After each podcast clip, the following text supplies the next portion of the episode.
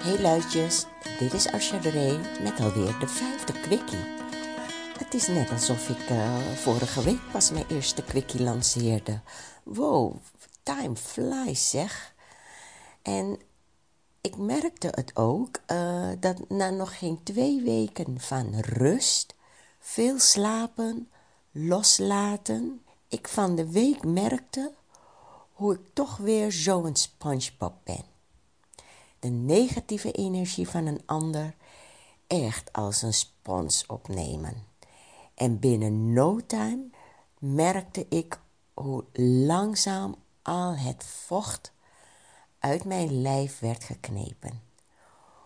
Hoe ik ineens zo moe werd alsof ik net de marathon had gelopen.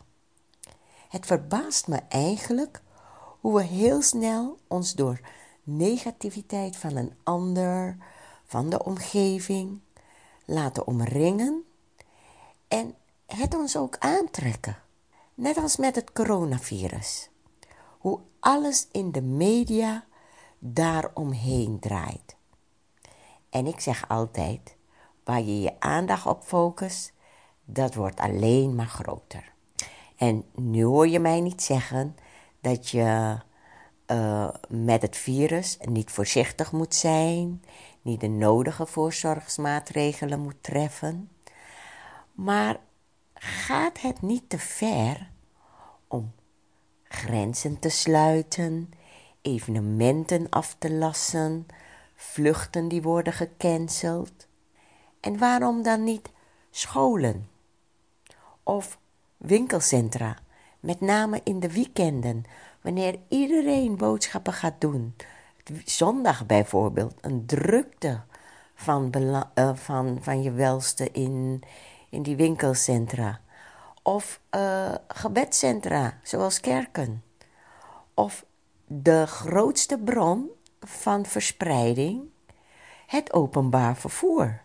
De metro in de spits, waar iedereen echt hutje-mutje op elkaar staat, zit en proest en hoest. Als je iets doet, vind ik, moet je het ook goed doen. Niet van die halve maatregelen nemen. Het is net als met een appel, waar al een gaatje in zit en een worm, zo'n bruine vlek. Ook al doe ik die appel bijvoorbeeld in een plastic zakje of ik leg hem in de koelkast neer, die worm die blijft erin zitten. En het vreedproces of het rottingsproces die gaat gewoon door. Ja, een beetje vertraagd, maar het gaat gewoon door. Het probleem wordt niet ineens verholpen, nee. Ik zou zeggen, als je iets doet, doe het goed. Want aangezien we toch grote verliezen gaan lijden, geef iedereen een maand huisarrest.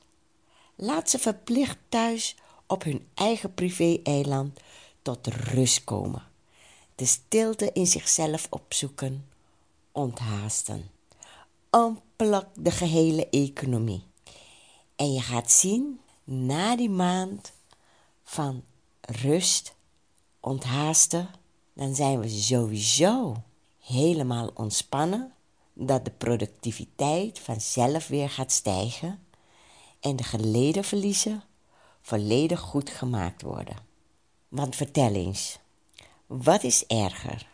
Overlijden aan de coronavirus of door alle stress en drukte overlijden aan een hartaanval? Juist ja, bij beide kun je niks meer navertellen. En ik heb mezelf beloofd, ik ga heel oud worden. Dus geen enkel virus of stress gaat mij omvergooien. Ik kies dus voor onthaasten en lig na bijna 15 jaar weer heerlijk te genieten van een warm, sinaasappelgeurend bad. En terwijl ik deze aflevering aan het opnemen ben. En je weet het, soms word je door iets buiten jezelf, door externe factoren, word je gedwongen om nu te genieten van het leven en niet later en niet in de toekomst.